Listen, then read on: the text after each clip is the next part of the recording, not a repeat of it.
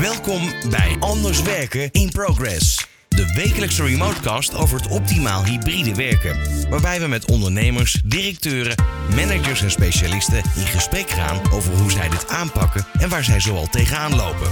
We zoomen in op de nieuwe werkplek, verbinding houden, technieken, management tools, HR-vraagstukken, cybersecurity en nog veel meer.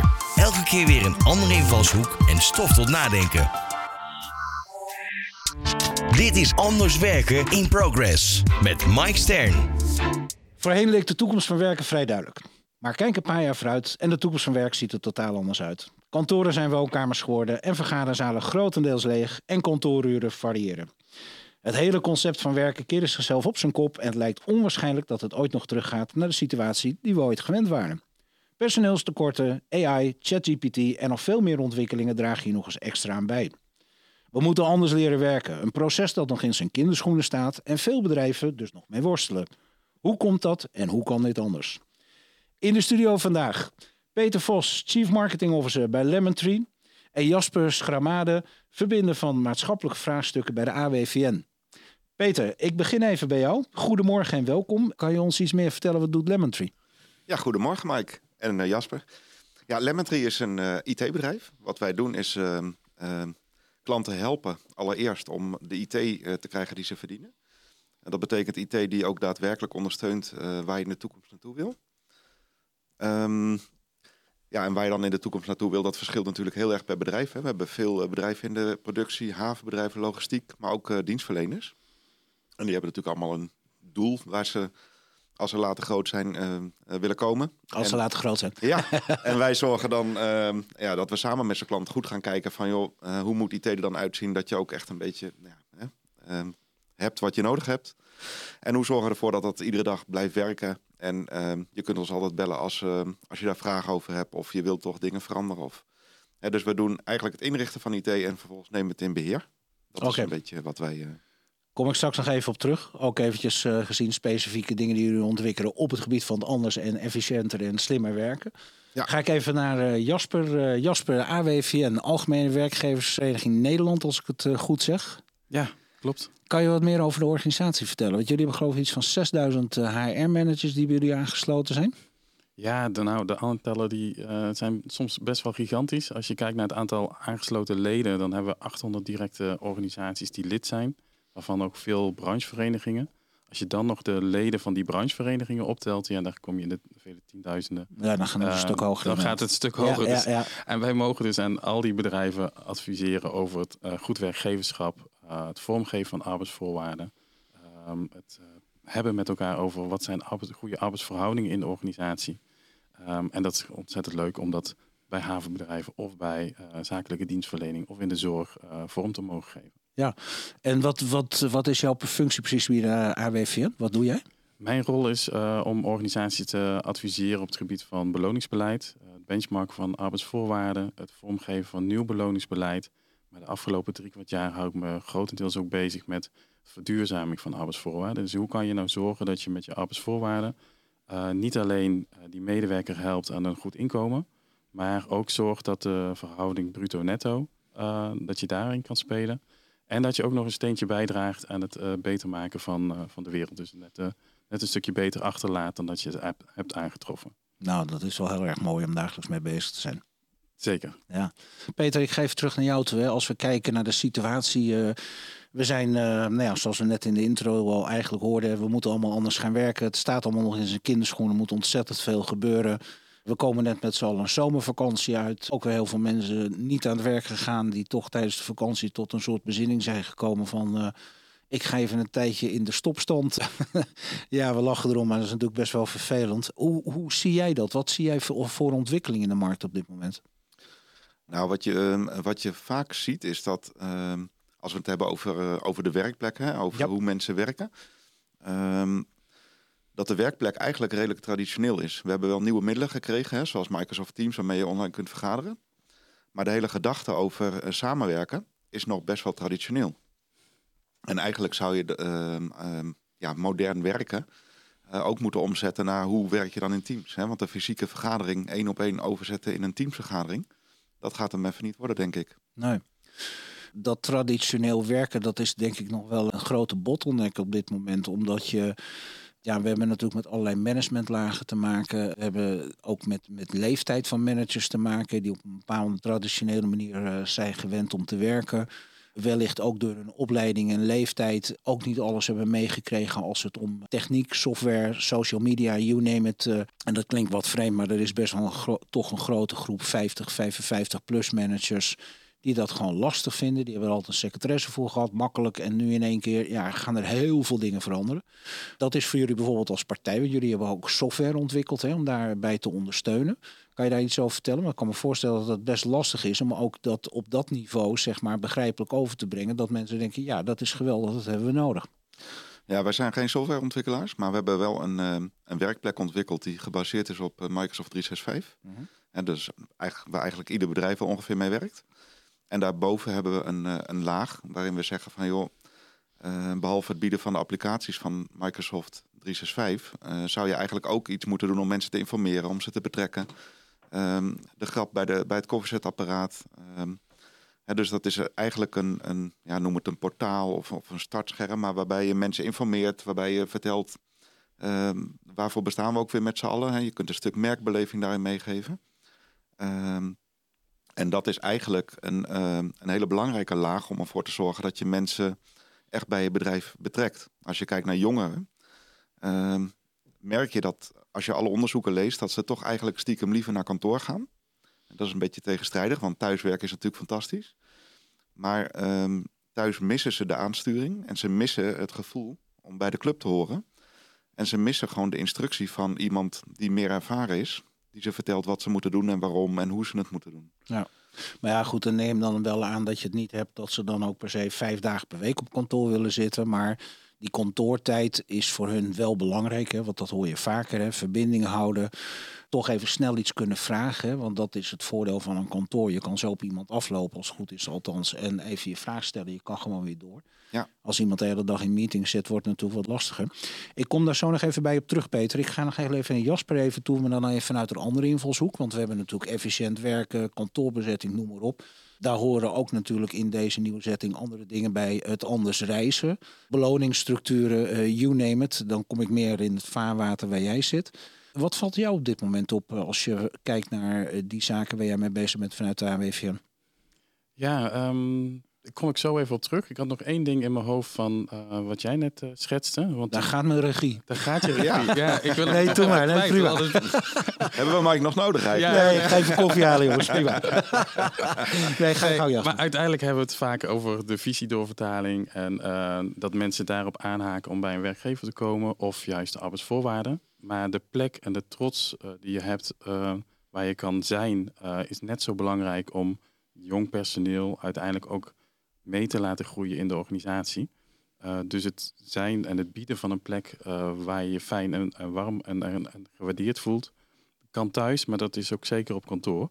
En juist die balans daarin zoeken, zeg maar, die, uh, dat is denk ik echt de crux. als je dat kan doen als werkgever, waarin je die, um, het leervermogen wat er is bij, bij jong personeel optimaal kan benutten, dan wordt het ook leuk om voor de mensen die dat, die kennis al hebben, ook vaker naar kantoor te komen om te zien dat dat gewoon energie geeft op de, op de werkplek. Ja, nou, dat vind ik wel een heel goed punt. Want daarmee maak je de kantoor uh, ook weer een stuk aantrekkelijker. buiten een poolbiljart of een pingpongtafel neerzetten of een, uh, een, restaurant waar je, ik weet niet, alles kan krijgen. Want dit is natuurlijk de basis waar het om gaat. Dus een hele goede aanvulling, absoluut mee eens. Kom ik nog even wel even terug op de vraag die ik je net stelde omdat ik even de. Ik, ik, zoek even de, de, de mix tussen inderdaad anders werken, omgeving, reizen, alles eigenlijk wat ermee te maken heeft.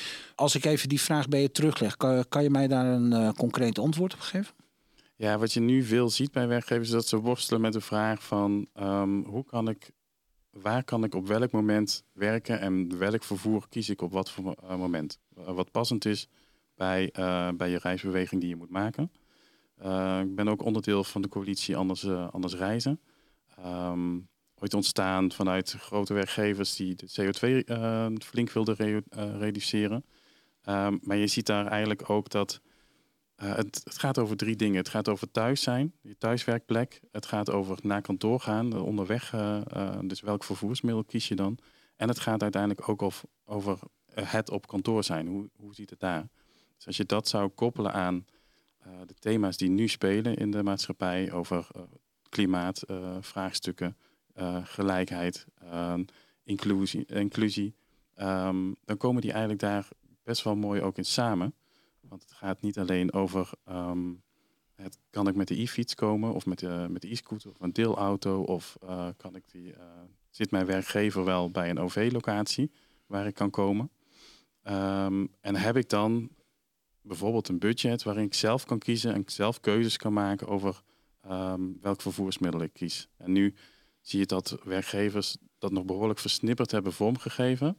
Enerzijds ook door uh, fiscaliteit van regelingen, maar anderzijds ook door ja, net eventjes wat hoger erboven kunnen zweven om te kijken wat, wat heb ik nu uh, qua leaseregeling, qua woonwerkvergoedingsregeling, qua uh, überhaupt parkeerbeleid. Um, en kan dat niet anders? Hè? Kan, kan ik dat niet anders inrichten als we, uh, kan ik niet anders aanbieden als arbeidsvoorwaarden of als, um, als locatie waar ik zit? Om te zorgen dat ik die gedragsverandering die ik graag wil hebben, van bij elkaar komen van collega's en het hebben over het werk, uh, om dat dan zo te uh, faciliteren. Ja. Peter, even teruggaan naar de software hè, die jullie ontwikkeld hebben uh, binnen Microsoft 365, zeg ik het goed? Ja. ja? Het is, het is meer een concept dan software. Het is uh, hoe, eigenlijk hoe zou ik het moeten noemen? Ja, concept ja, is een werkplek. Een tool. Een werkplek. Een werkplek tool. Ja, het is een werkplek waarin we zeggen van joh, die moet in de basis voldoen aan alle veiligheidseisen uh Mhm. -huh. uh, die AVG, maar volgend jaar ook NIS 2 en, en nou ja, al dat soort regelingen ja. vereist.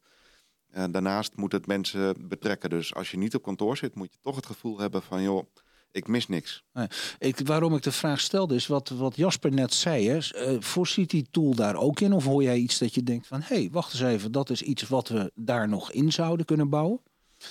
Nou, het, het, uh, het voorziet heel erg in dat het niet zo heel veel meer uitmaakt... Uh, of je nou thuis zit of op het werk. Omdat je uh, die beleving die je vanuit je organisatie mee wil geven... van hè, waar staan we voor, wat doen we met z'n allen, hoe werken we samen...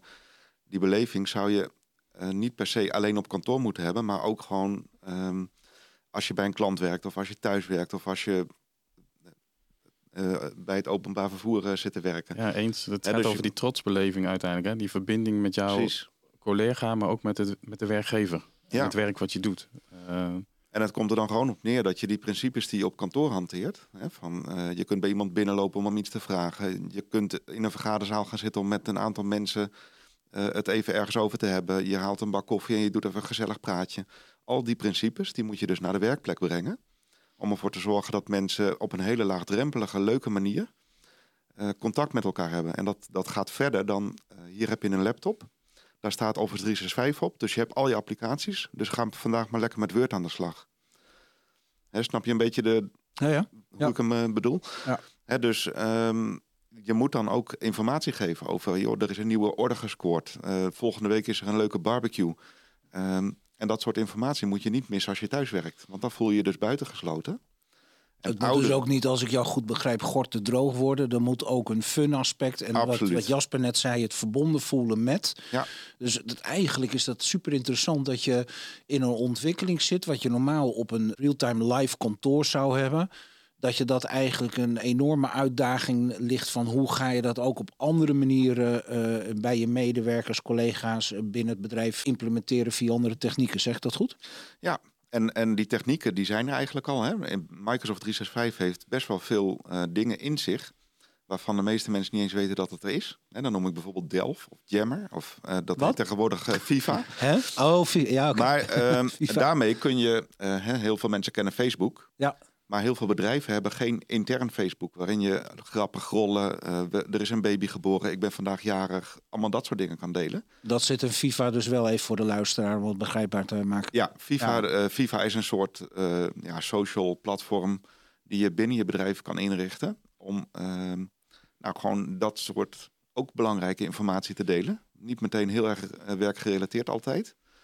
Uh, hoewel je het ook kunt inzetten om uh, uh, nieuwe ontwikkelingen of projecten of wat dan ook te delen. Dat is organisatiebreed heel gaaf, maar voor HR natuurlijk ook natuurlijk. Hè, dat je gewoon een, ja, plat gezegd, het smoelenboek heb. Uh, wat doet iemand, zeker bij de grote organisaties waar mensen elkaar jaren langs elkaar heen kunnen lopen en misschien een keer knikkenbind langslopen en dat zit. Ja. Terwijl het misschien kan zijn dat je misschien wel cellen, ja, alle twee heel erg geïnteresseerd bent in uh, Chinese miniatuurpotten bakken. Terwijl je dat normaal niet had geweten als die tool er was geweest. Ik maak maar even een gekke... Nou, dat is ook wel de grootste verandering die wij als IT-bedrijf zien. Mm -hmm. um, um, vroeger werd de werkplek vaak gekocht en ingericht door IT. Ja omdat het een technisch trucje is. Ja, ja. Uh, wij zitten nu steeds vaker met HR en communicatie om de werkplek uh, zeg maar samen te stellen, in te richten, op te leveren en dan in beheer te nemen. Ja. Dus het is niet meer een IT-aangelegenheid. Nou, dat is interessant dat je dat zegt, Peter, want dat is ook wat we met de Summit en vandaar ook dat we eigenlijk uh, naar het concept anders werken Summit toe zijn gegaan in plaats van Remote Working Summit. Dat hebben we deze zomer omgezet omdat je ziet, het gaat allemaal over anders werken. Maar je ziet ook, en dat is wat jij net zegt, een hele interessante ontwikkeling die overigens al, nu al ruim twee jaar aan de gang is. Dat HR, IT en facilitair steeds meer met elkaar aan tafel zitten. Dus we hebben wat voorheen echt hele separate afdelingen waren. En dat betekent natuurlijk ook dat je in je communicatie en alles wat je doet er ook op in moet spelen. Is dat voor jou ook herkenbaar, Jasper, vanuit uh, jouw functie en de dingen die de AWVN doet?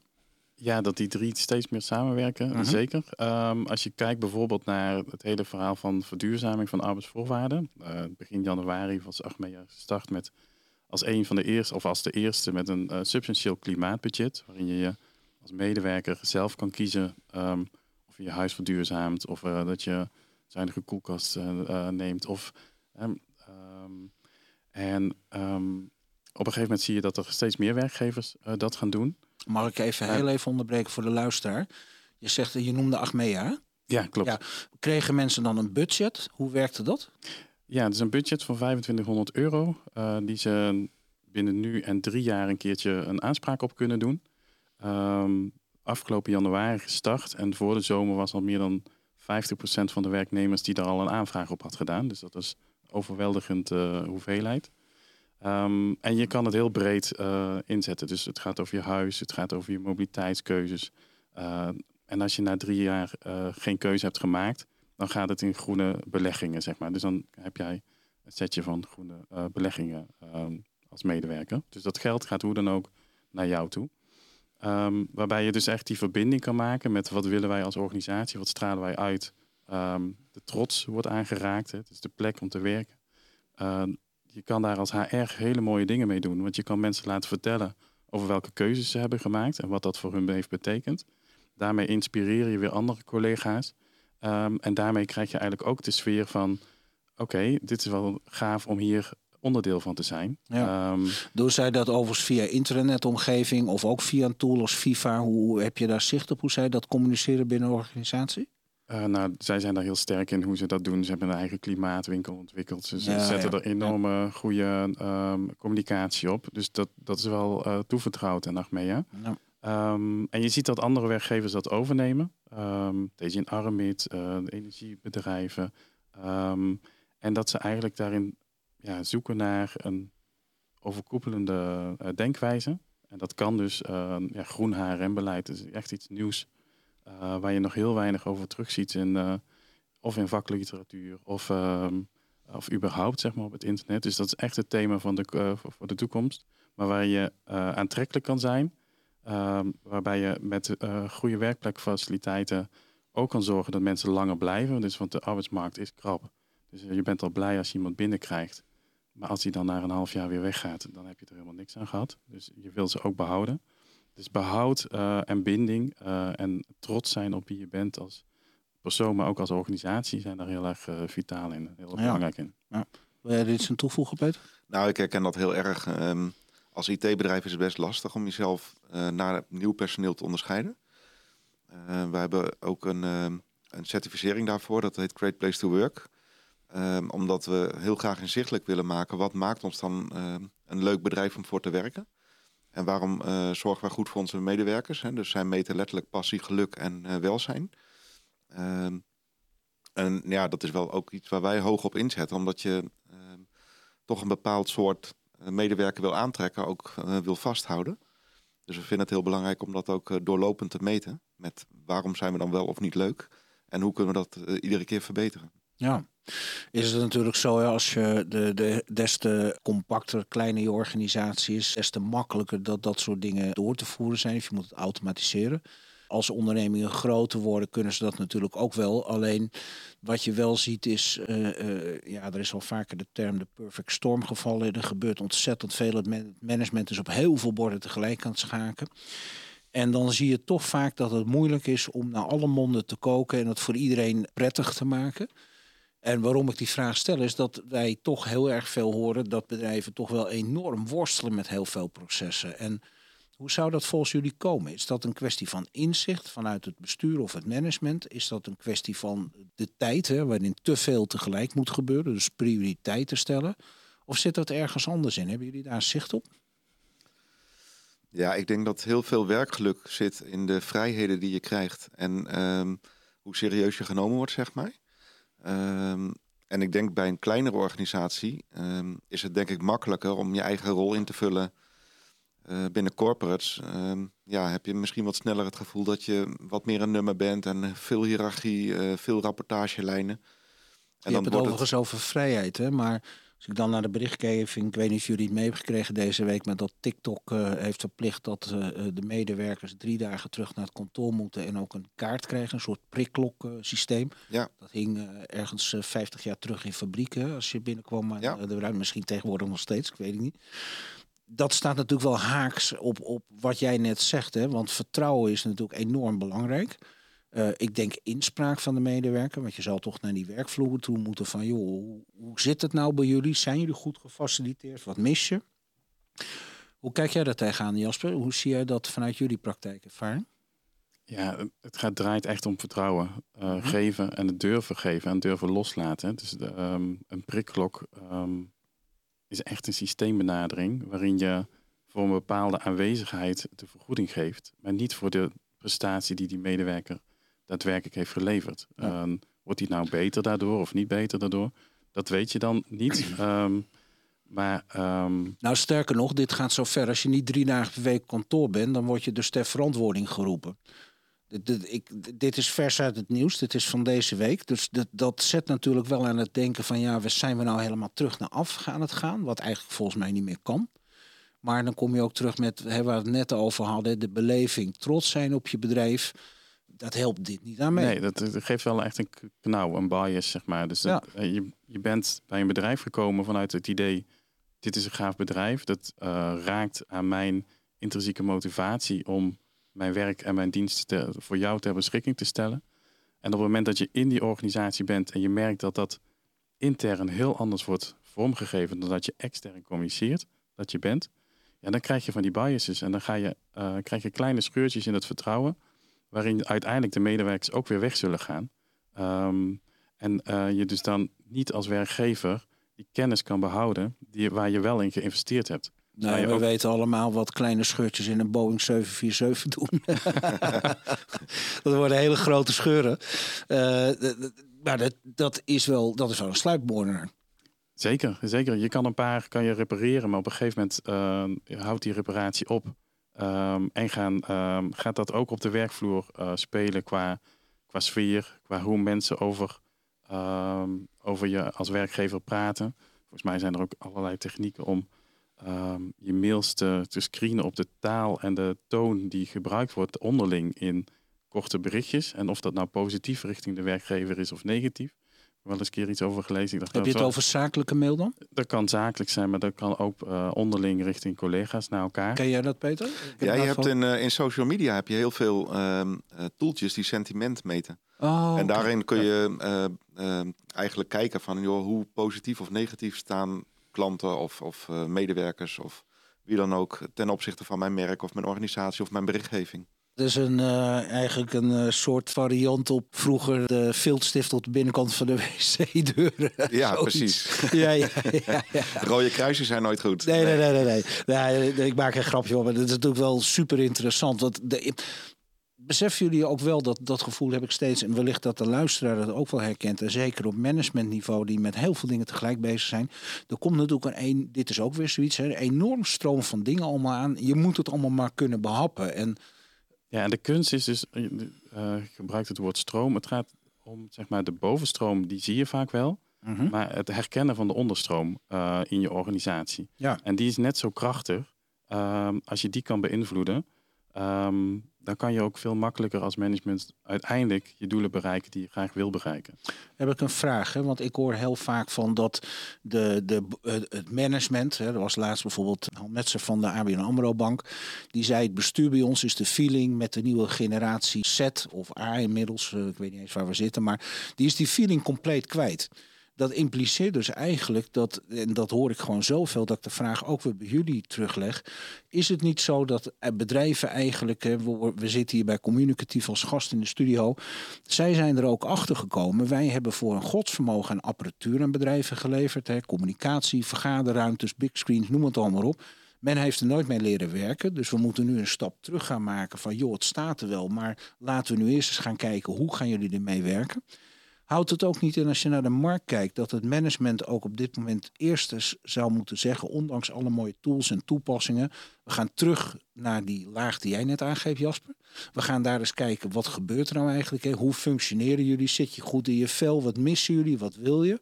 En ik hoor maar steeds dat het overgeslagen wordt. Dat het nu gewoon is, ja, doorgaan en we gaan allemaal weer eh, normaal doen. En eh, ja, ik zie jullie knikken, maar ja, zeg ik iets raars? Nee, helemaal niet. Ik denk dat, eh, dat heel veel bedrijven zichzelf een beetje opnieuw moeten ontdekken. Ja. En moeten uitvinden van, joh, de wereld om ons heen is een beetje veranderd. Hè? Van eh, hybride werken, thuiswerken, eh, misschien wat minder op kantoor. Ehm, en daarbij moet je niet ehm, vast blijven houden aan oude principes. Met, met wat we net zeiden, met, met klokken. En, ehm, maar moet je gaan denken in nieuwe mogelijkheden. Bij Lemetry is het hoogste goed onze klanttevredenheidscijfer. Die staat al acht jaar op een 9,4. En dat is ons hoogste goed. En dat, als wij manieren ontdekken die nieuw zijn, waardoor we medewerkers meer tevreden krijgen, waardoor ze klanten nog beter gaan helpen, dan is het natuurlijk een beetje ouderwets om te zeggen, ja, maar ik wil wel dat je vijf dagen naar kantoor komt. Ik ben het daar volledig mee eens, Peter. En wat, wat heel erg interessant is, als we naar het laatste summit kijken op 19 juni, het eh, hybride summit, daar hoorde ik van de sprekers en eh, de keynotes en de panelleden heel erg veel geluid terug dat zij vonden dat het publiek heel jong was. En jong heb ik het over eh, een managementgroep tussen de 30 en de 45, 50 jaar. En dat was zo opvallend dat, je, dat, dat, dat we daar eigenlijk uit konden concluderen. Die, die, die laag in die hele managementlagen zeg maar, van die leeftijdsgroep, ik noem maar even onder C-level, die is enorm op zoek naar al dit soort tools en dingen hoe ze die slag kunnen maken. Alleen je moet er dan nog wel een keer de bestuurskamer in krijgen. Maar daar heb je ook voorste ruiters voor nodig. Dus op het moment dat zij het goed kunnen uitleggen en goed kunnen laten zien, dan. Alleen dat is wel een, een ontwikkeling, ik weet niet of jullie dat herkennen, wat we nu zien, dat daar ook op die bestuurskamer op de rem wordt getrapt. Omdat men het niet snapt, niet behapt, nooit mee te maken heeft gehad. En dat is natuurlijk heel erg eng ook in verband met bestuurdersaansprakelijkheid om te zeggen, ja doe maar als je zelf niet helemaal door hebt van hoe dingen werken. Jasper, ik zie jou knikken, klinkt dit herkenbaar? Nee, ja, ik snap de beweging. Dus op het moment dat je eh, enerzijds in de bestuurskamer steeds meer richtlijnen ehm, rekening mee moet houden. Dus eh, Beperkingen. beperkingen, Ja. be- richtlijnen. eh, nou ja, dat kan ook weer kansen opleveren. Maar eh, dus je kan het van, de- van meerdere invalshoeken voorzien. Maar je, je ziet dat in de, bijvoorbeeld in de Europese Unie eh, richtlijnen worden aangenomen op het gebied van eh, de, ehm, de klimaatplannen. Hè, dus het Europa klimaatneutraal in 2050. Nou, daar rollen allerlei richtlijnen uit. eh, onder andere de CSRD. Eh, en Kan daarin dat even ja, toelichten voor de Corporate? Social Responsibility Directive. Nou, daar moet van alles weer over gerapporteerd worden. Ja. Ehm, op zich, de intrinsieke beweging daarvan is, is goed natuurlijk. Maar het betekent dan ook voor eh, dat je dat moet snappen. Van wat moet het? Wat betekent dat voor ons? Wat betekent het voor onze business? Krijg ik die informatie überhaupt wel uit mijn organisatie? Ehm, ja, daar heb je ook gewoon tijd nodig. Dus soms moet je, kan je alleen pas versnellen als je ook weet wat vertragen is. Ehm, en moet je jezelf als organisatie ook af en toe eens dat moment gunnen om even te, eh, in die vertragingsmodus te gaan om weer die volgende stap te kunnen maken. Tijdens een van de podcasts, eh, volgens mij was het eh, Harold Kelderman, directie PNO van het ministerie van Defensie. Die maakte er een hele mooie opmerking over. Ik zei tegen hem op een gegeven moment, nou eigenlijk zou het heel erg mooi zijn als alle bedrijven nu gewoon een pauzeknop tegelijkertijd in zouden drukken. En we hebben gewoon even twee weken lang helemaal niets. En dan zou er ontzettend veel eh, gedaan kunnen worden. Dat is natuurlijk een utopie, maar Toen zei hij wel heel treffend, weet je, wij hebben dat slimmer opgelost. Wij hebben als grote organisatie met uh, dik 20.000 mensen op de payroll, zijn wij gewoon gaan zeggen van, joh, elk goed idee wat we hebben, dat sluiten we niet op voorhand uit of draaien we de nek om of dat gaat op de stapel. Maar als iedereen zoiets heeft, is goed, maar er is nog heel veel meer of wat dan ook. Wij zetten gewoon een kleine pilot ergens uit. Waarbij je een voorste ruiter hebt en een eerste schaap over de dam, ook als het succesvol is. En dat stelt ons in staat om heel veel dingen uit te rollen, te monitoren en daar waar nodig snel te schakelen. En dat zou voor bedrijven in, met alles wat we met elkaar doen natuurlijk al een, een stapje kunnen zijn om toch maar door te blijven gaan en niet uh, langzaam vast te lopen in weer allerlei, uh, ja noem je dat ook weer, ik had het net, uh, wilde ik het woord gebruiken, ben ik het even kwijt. Maar ik noem het maar even allerlei oude gewoontes of ja, misschien gepasseerde manier van werken. Ja, ik, uh, ik heb een zoon van 19. Die is uh, twee jaar, ik noem het maar een beetje verziekt, uh, door een les via Teams te krijgen. Mm -hmm. En dan merk je dat Teams is een fantastisch middel. Ehm, maar ik denk dat Teams niet zo heel erg geschikt is om een uur lang ehm, met een groepje te vergaderen. Want de helft zit andere dingen te doen. En ik denk ook niet dat Teams heel erg geschikt is om daar standaard eh, lessen in te gaan geven. Ehm, dus we moeten met z'n allen goed gebruik maken van de nieuwe middelen die we hebben. En slim Zoals? nadenken.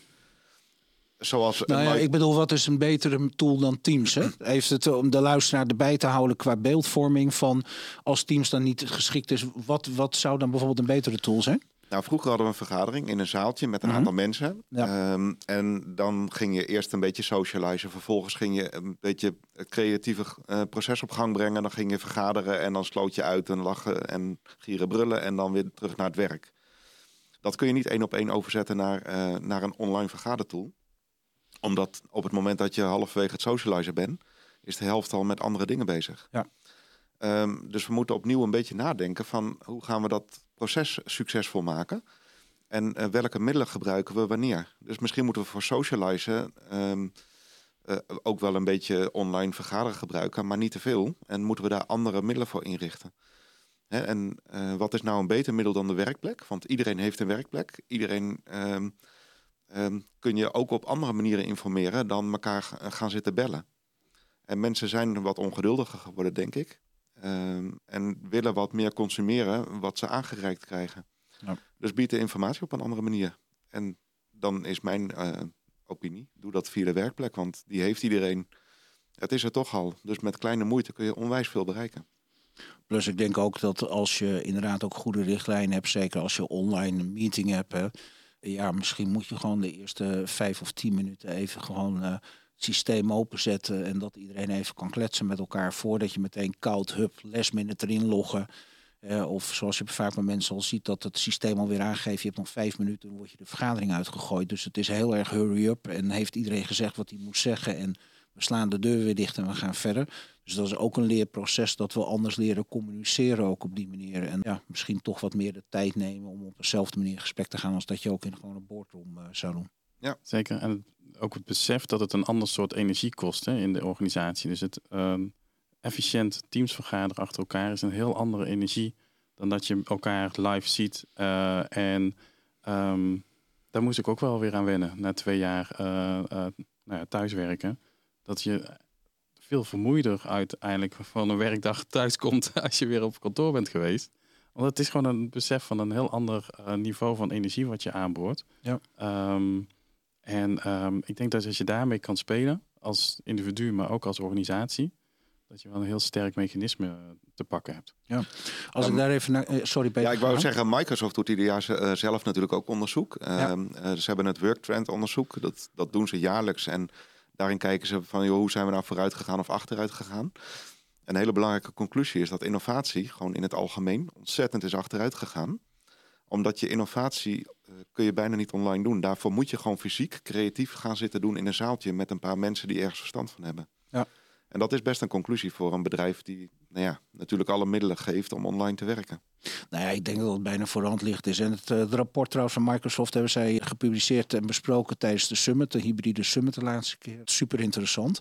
Maar ik denk eigenlijk dat iedereen wel voor zichzelf een beeldvorming kan hebben. Dat als je natuurlijk, stel dat je iets wil ontwikkelen, dat je daar als je met eh, zes, acht mensen aan een tafel zit En je gaat brainstormen, de bekende, de bekende post-its op de muur. En dat er natuurlijk vele malen meer uitkomt dat, dat iedereen gort te droog achter zijn beeldscherm zit. En misschien verandert dat wel, maar dat betekent wel dat we door moeten blijven ontwikkelen om het attractiever en effectiever te maken, zeg maar. En ja, ik denk dat vind ik wel het mooie aan, deze, aan dit tijdperk. Dat we eigenlijk ja, door de natuur en de, hetgeen wat er gebeurd is met de pandemie ook, dat we eigenlijk een schop onder ons kont hebben gekregen en weer eventjes uh, onszelf opnieuw letterlijk en figuurlijk uit moeten gaan vinden. Als we het daarover hebben, eh, Jasper, even naar jou toe. Hè. Wat, wat zie jij op dit moment aan ontwikkelingen in de markt of dingen waarvan die ziet gebeuren die met betrekking tot dit soort ontwikkelingen en natuurlijk jouw specialisatie? Zijn er bepaalde dingen die jij nu ziet die je interessant vindt om even met, eh, met ons eh, te delen? Ja, zeker. Je, ziet eigenlijk dat er, als je het hebt over arbeidsvoorwaarden, waar ik me veel mee bezig hou, um, dat er afhankelijk van de situatie een arbeidsvoorwaarde wordt bedacht. Hè. Dus we hadden de thuiswerkvergoeding in de coronatijd. Uh, de Nibud kwam met een richtlijn. Dus inmiddels 2,15 euro per dag uh, thuiswerkdag.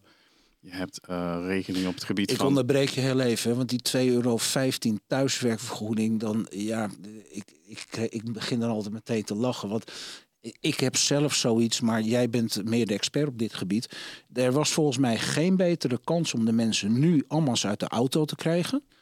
Maar dan moet je niet met een 2,15 euro thuiswerkvergoeding aankomen. De, ik, ja, sorry hoor, maar wat kan je met twee uh, en dan met stijging van energiekosten alles meegenomen?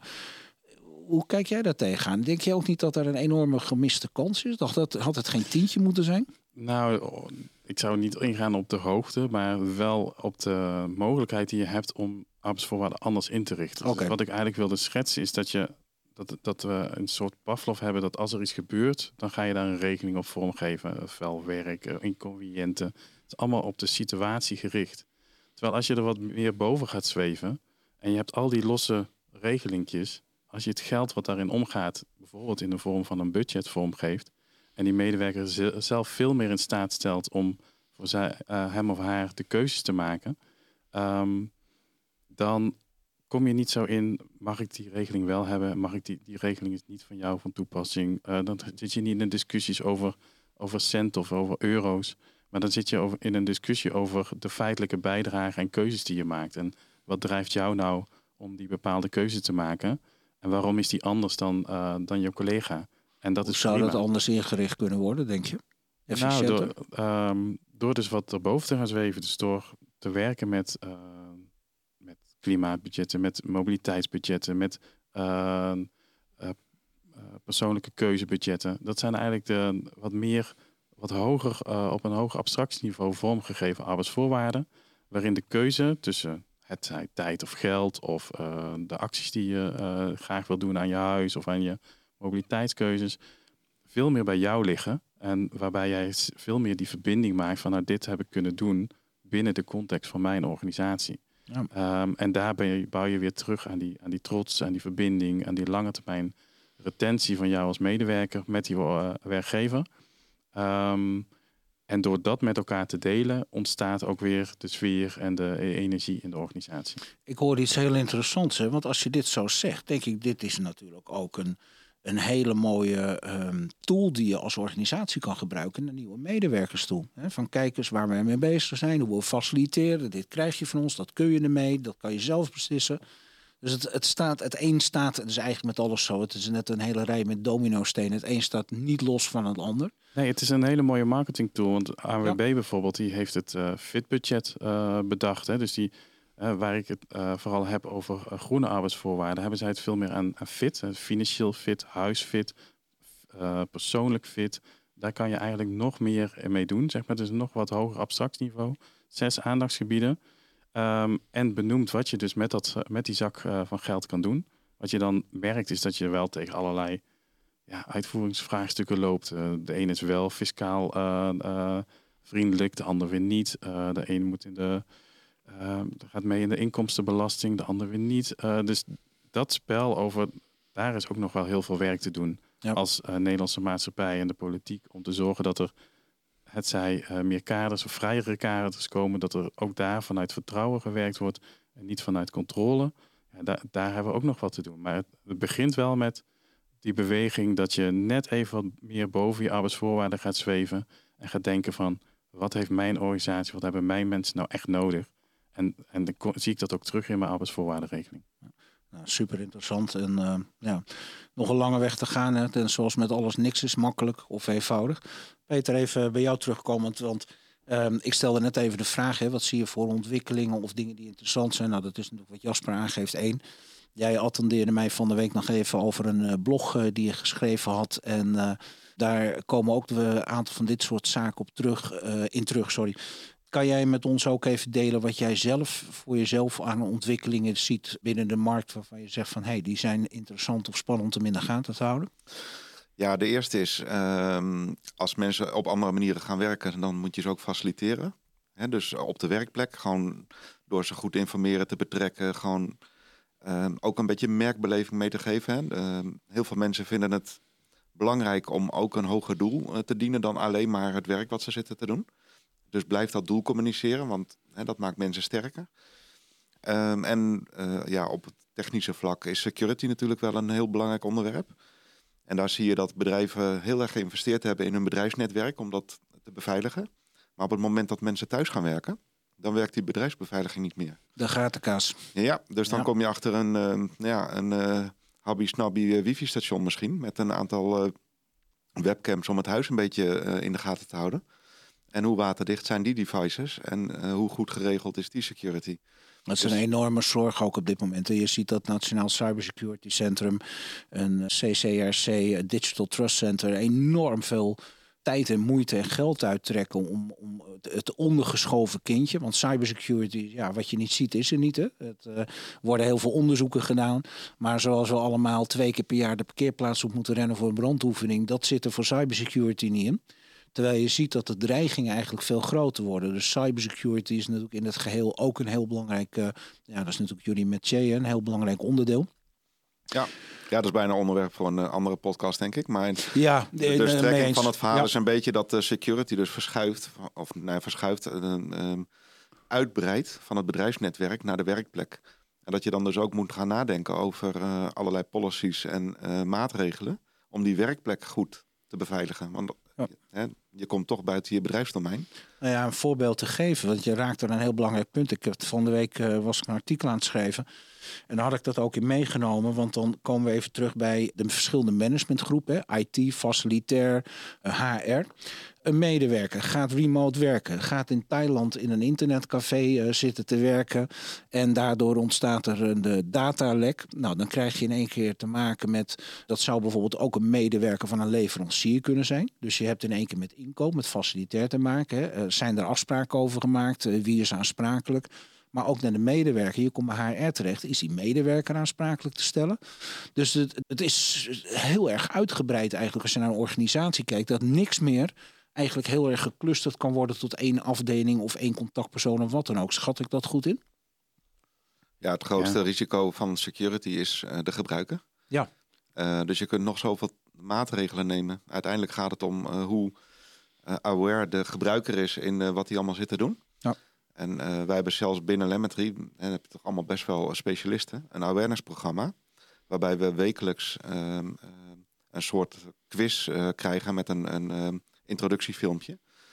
Uh, waarin je wordt gewezen op uh, wat je wel en niet moet doen op je werkplek, hoe phishing werkt, um, wat tegenwoordig de gevaren zijn die van buiten op je afkomen en hoe je daarmee om moet gaan. Nou ja, het was geloof ik vorige week ook weer raak en ik weet niet meer zeker bij welk bedrijf het was. Het volgens mij iets met een uh, punt .com erin. een nou, het, het strafhof is toch in Den Haag ook aangevallen, aangevallen met, digitaal, zeg maar. Ah. Dus zij hebben gewoon heel veel zaken nu stil liggen. Op dit moment om, al? Ja, op dit ja. moment, deze okay. week. Dus, uh, ja. uh, en zijn druk in het onderzoeken welke documenten zijn gestolen, welke niet. Uh, dus heb ik de informatie überhaupt nog? Nou ja, er is ook weer een paar ton van een of andere niet de eerste beste maatschappij afgelopen week weer overgemaakt aan de hand van een vaag mailtje. En dat, waar iedereen steeds denkt, ja, hoe kan dat nou, weet je wel. Dat, het, ja. het, het, gebeurt toch gewoon, dus het is een, een enorm belangrijk onderdeel en dat blijft het ook. In dat kader even, Peter, we gaan even naar de afsluiting van deze podcast toewerkers. Heb jij nog een takeaway voor de luisteraar? Mijn takeaway zou zijn, um, betrek je mensen bij je organisatie. En dus ga niet te veel blind staren op we gaan uh, anders werken of hybride werken. Maar uh, ga meer nadenken over hoe faciliteer ik mijn mensen goed? Hoe betrek ik ze? En wat is dan een beter instrument uh, dan de werkplek die iedereen al heeft om, om ja, dat goed te faciliteren? Dankjewel. Hele mooie. Jasper? Ja, mijn takeaway zou zijn om daadwerkelijk die visie en strategie in je organisatie op het gebied van bijvoorbeeld duurzaamheid echt daadwerkelijk ook door te vertalen naar de arbeidsvoorwaarden die je biedt en de keuzevrijheid die je medewerker daarin heeft. Uh, om binding uh, ja, op de lange termijn um, ja, gewoon vol te houden. Dus dat je de mede, dat ze niet via de achterdeur vertrekken, je aan de voordeur maar moeilijk uh, naar binnen krijgt. Nou, ontzettend bedankt. Het is in ieder geval weer stof tot nadenken. Heren, bedankt voor jullie komst naar de studio. En, nou ja, we hebben nog een hoop te doen. En in ieder geval wat jullie hebben meegegeven voor de luisteraar. Ontzettend interessant. Fijn dat jullie er waren. Dankjewel. Dankjewel. Dank. Leuk dat je weer hebt geluisterd. En volgende week zijn we weer met een nieuwe Remotecast. Deze aflevering wordt mede mogelijk gemaakt door de Anders Werken Summit en haar partners. Heb je een aflevering gemist? Of wil je zelf deelnemen aan onze live events en netwerken? Kijk dan voor meer informatie anderswerkensummit.nl